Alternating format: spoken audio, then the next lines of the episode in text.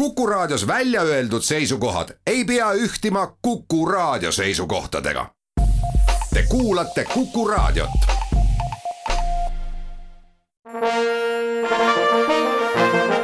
Vanemuise veerand. tere kõigile headele Kuku Raadio kuulajatele. Vanemuise veerand alustab, mina olen saatejuht Tiiu Rööp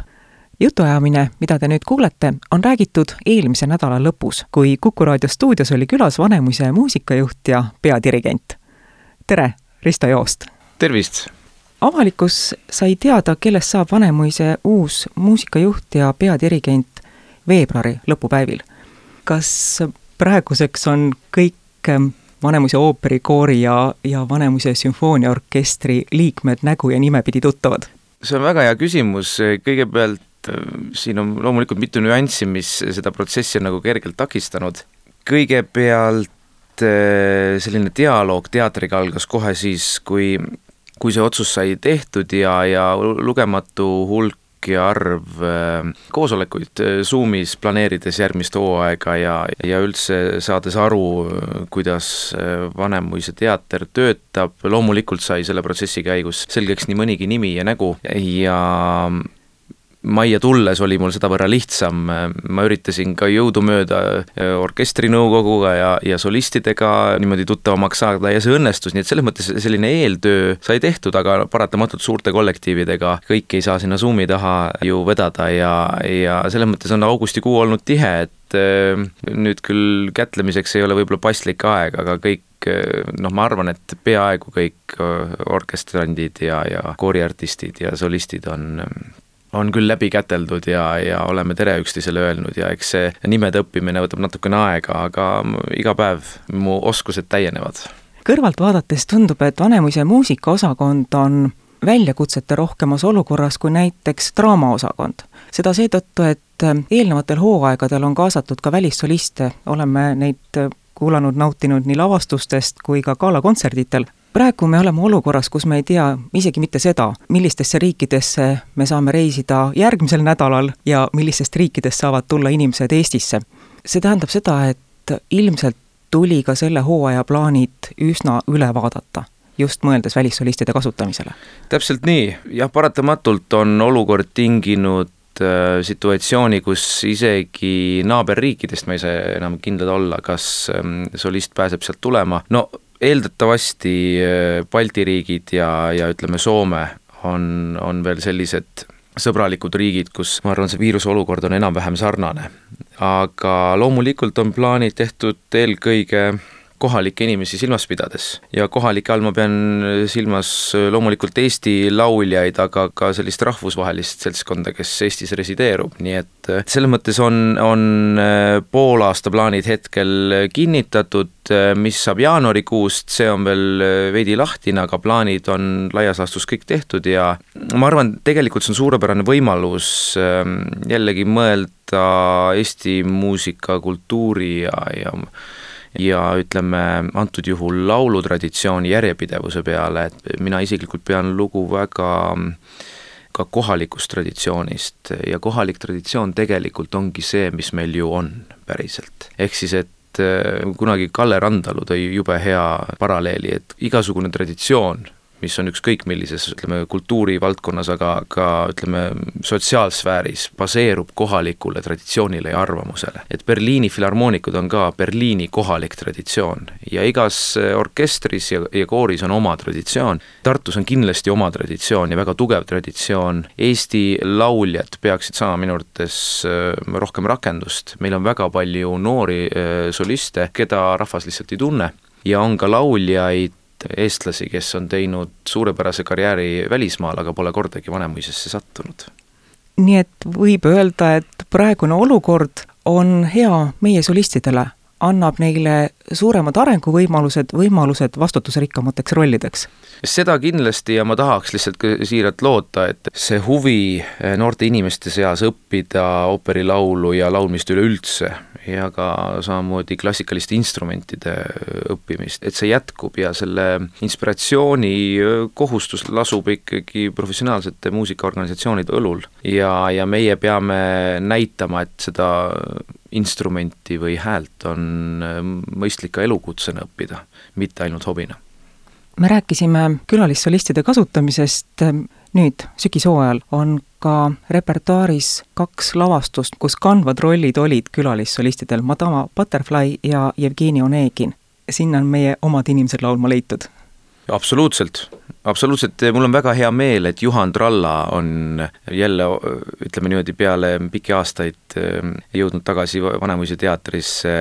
Külalisena, ta teeb kaasa päris, päris intensiivselt Vanemuise hooajas, alustades hooaja avakontserdist, aga on ka teisi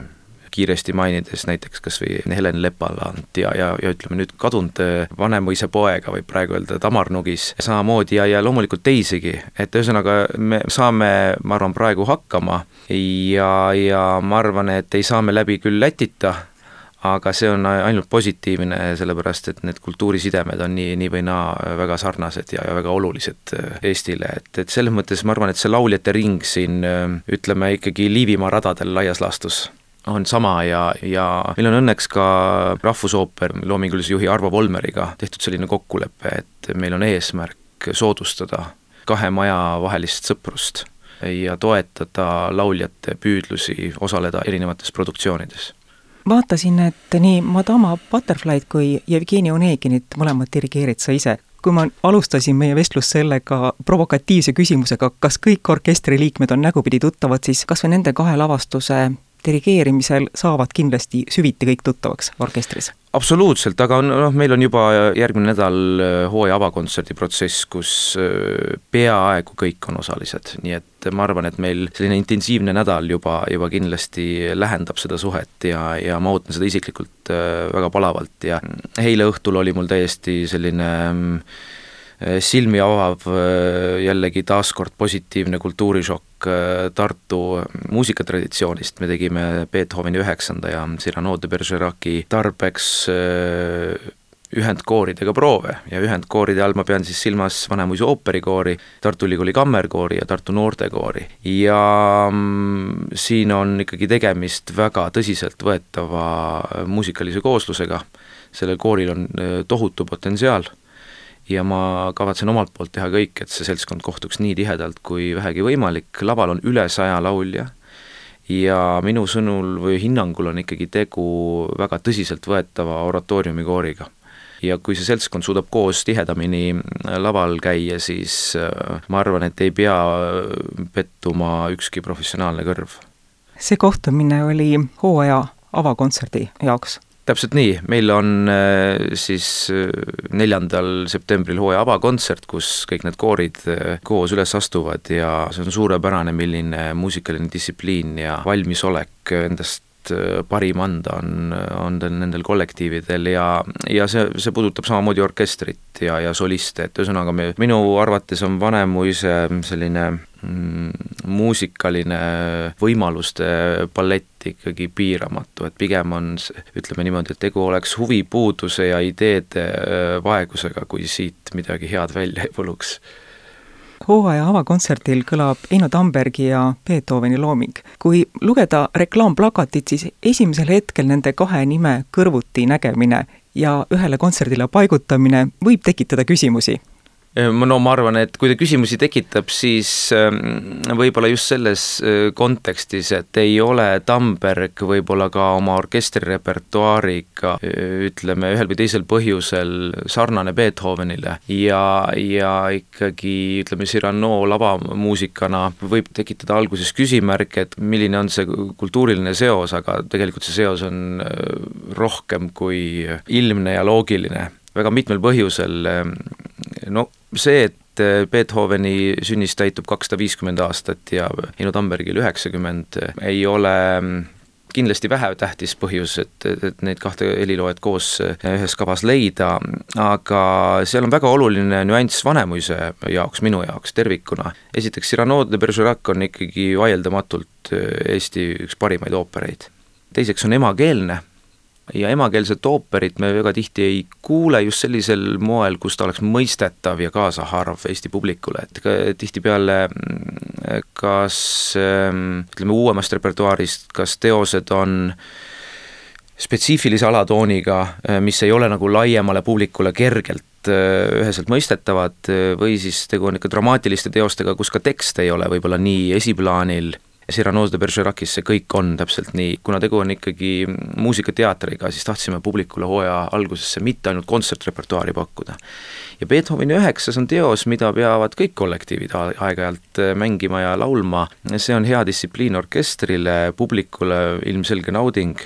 kooridele väljakutse. Ja meil on tõesti suurepärased solistid.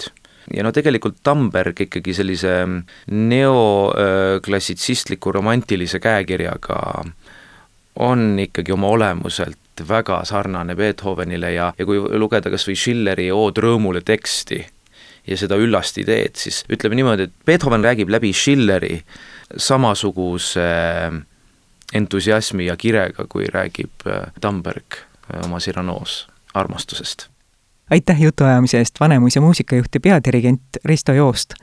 aitäh kõigile raadiokuulajatele